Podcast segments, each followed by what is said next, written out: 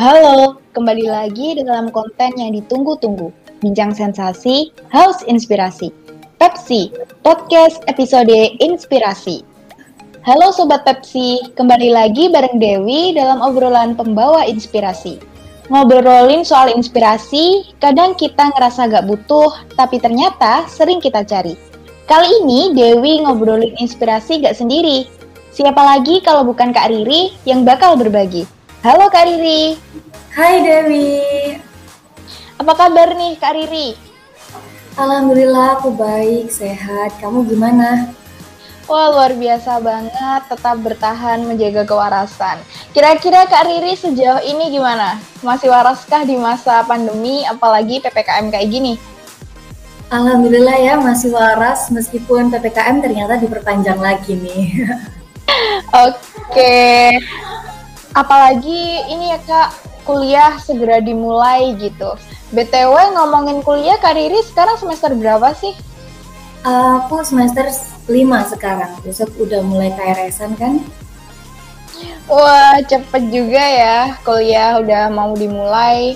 Hmm, BTW Kak, boleh nggak sih Kak Riri cerita ke kita, ke Sobat Pepsi nih, apa aja sih yang selama ini Kak Riri rasakan di kuliah dan apa aja sih yang menarik menurut Kak Riri selama kuliah? Wah, kalau diceritain ini panjang ya. menurut aku kuliah ini menarik sih. Menurut aku selama jadi anak kuliah itu enggak seperti yang aku bayangkan waktu di masa SMA. Karena ternyata peran dan fungsi mahasiswa ini ternyata banyak banget sampai nggak cukup kalau kita cuma kuliah asal dengerin dosen, asal asal dengerin dosen jelasin materi doang kayak gitu. Jadi kita perlu explore pengalaman, explore uh, skill di luar juga kayak gitu. Oke, berarti eh, nggak uh, cukup ya kak kita tuh duduk di kelas aja, terus ngedengerin dosen aja dan uh, fokus ke materi kuliah aja. Tapi butuh hal-hal lain yang bisa kita explore di luar gitu. Nah, emang uh, menurut Kak Riri sendiri dari hal yang harus dilakukan kita sebagai mahasiswa, sebenarnya peran dan fungsi mahasiswa itu sendiri itu apa sih? Oke, peran dan fungsi mahasiswa sendiri ya di kampus itu kan sebenarnya terbatas ya. Dalam artian itu karena mahasiswa adalah menjadi agent of change, terus juga agent of social control. Nah, menurut aku kontrol sosial ini bakal jadi hal yang luas gitu loh. Gimana kita bisa berinteraksi dengan berbagai lini masyarakat dan semua elemen masyarakat. Oleh karena itu, kita juga perlu tuh menambah skill kita di luar mata kuliah. Karena sebagai mahasiswa, menurut aku nggak cukup hard skill aja yang kita dapat dari mata kuliah, tapi juga butuh soft skill yang bisa didapatkan mahasiswa di luar itu agar bisa seimbang antara keduanya. Kayak gitu Dewi. Oke, okay, aku tadi tuh nangkep soal soft skill gitu. Kita tuh kadang sadar bahwa soft skill tuh penting banget kita dapatkan sebagai mahasiswa, kita kembangkan sebagai mahasiswa gitu ya. Tapi um, menurut Kak Riri pribadi, cara terbaik dan cara paling efisien untuk mendapatkan soft skill itu sendiri gimana sih? Oke, cara mendapatkan soft skill itu banyak sih Dewi ya. Contohnya seperti kita aktif tuh mengikuti organisasi baik di luar maupun di dalam kampus. Karena dengan berorganisasi kita tuh bisa lebih banyak berinteraksi dengan mahasiswa lain dengan latar yang berbeda-beda juga. Nah, kita tuh mumpung jadi mahasiswa ya kan yang memiliki jutaan peluang dan tantangan nih. Jadi kita harus memanfaatkan itu semua Dewi.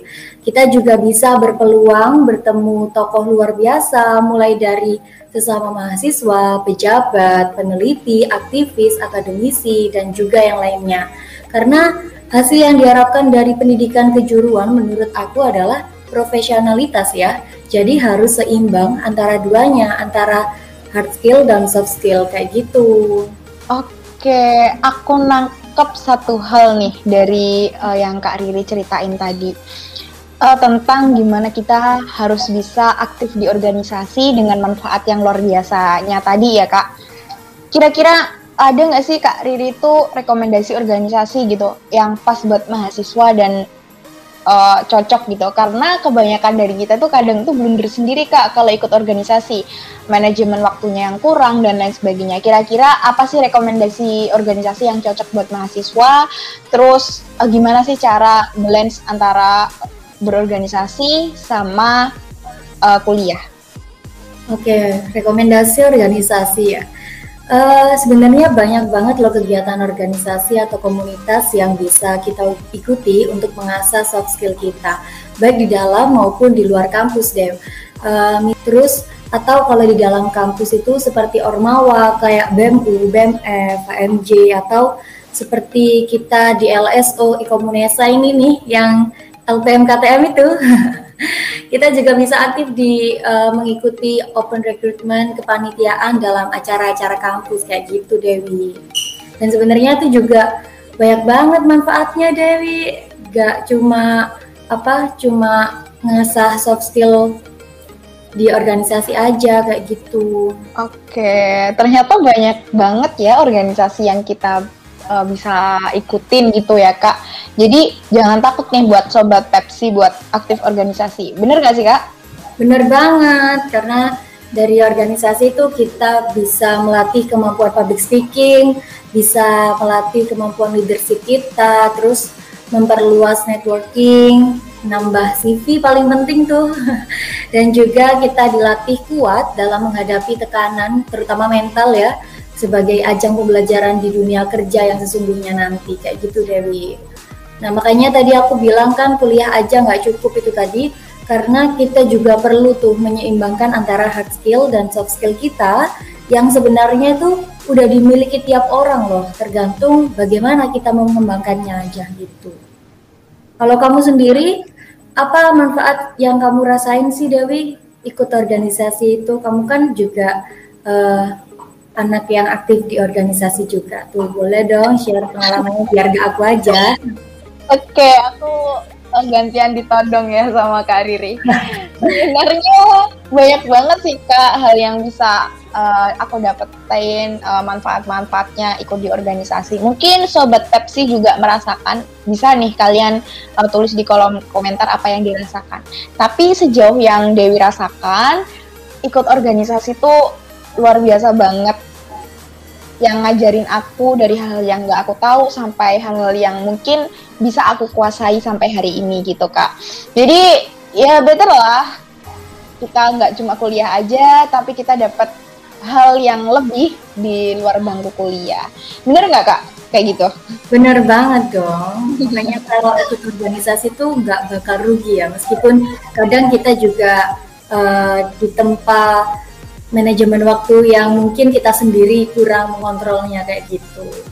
Tapi semua itu bisa kita atasi kalau kita bisa uh, menggunakan skala prioritas yang kita tentukan sendiri kayak gitu Dewi. Oke, wah keren juga ya, nggak sia-sia Pepsi kali ini bareng Kak Riri berbaginya karena banyak hal bisa kita dapatkan di sini dan uh, apa ya benar-benar relate banget sama kehidupan mahasiswa. Jadi sobat Pepsi yang lagi dengerin ini jangan sampai kalian kuliah aja, bener nggak kak? Bener banget. BTW udah lama juga ya kita ngobrol di sini. Ternyata seasik itu sharing soal kuliah dan hal yang menyertai. Jadilah apa pun dan aktif di mana pun kamu. Yang jelas kuliah aja nggak cukup. Terima kasih Kak Riri udah mau berbagi di sini. Dan semoga apa yang kita dengarkan, apa yang kita berikan hari ini dapat bermanfaat bagi kita semua. Terima kasih Kak Riri. Sama-sama Dewi. Sama-sama. Oke Sobat Pepsi, Dewi sama Kak Riri undur diri. Jalan-jalan ke Surabaya, jangan lupa prokesnya. Jaga kewarasannya, tunggu inspirasi selanjutnya.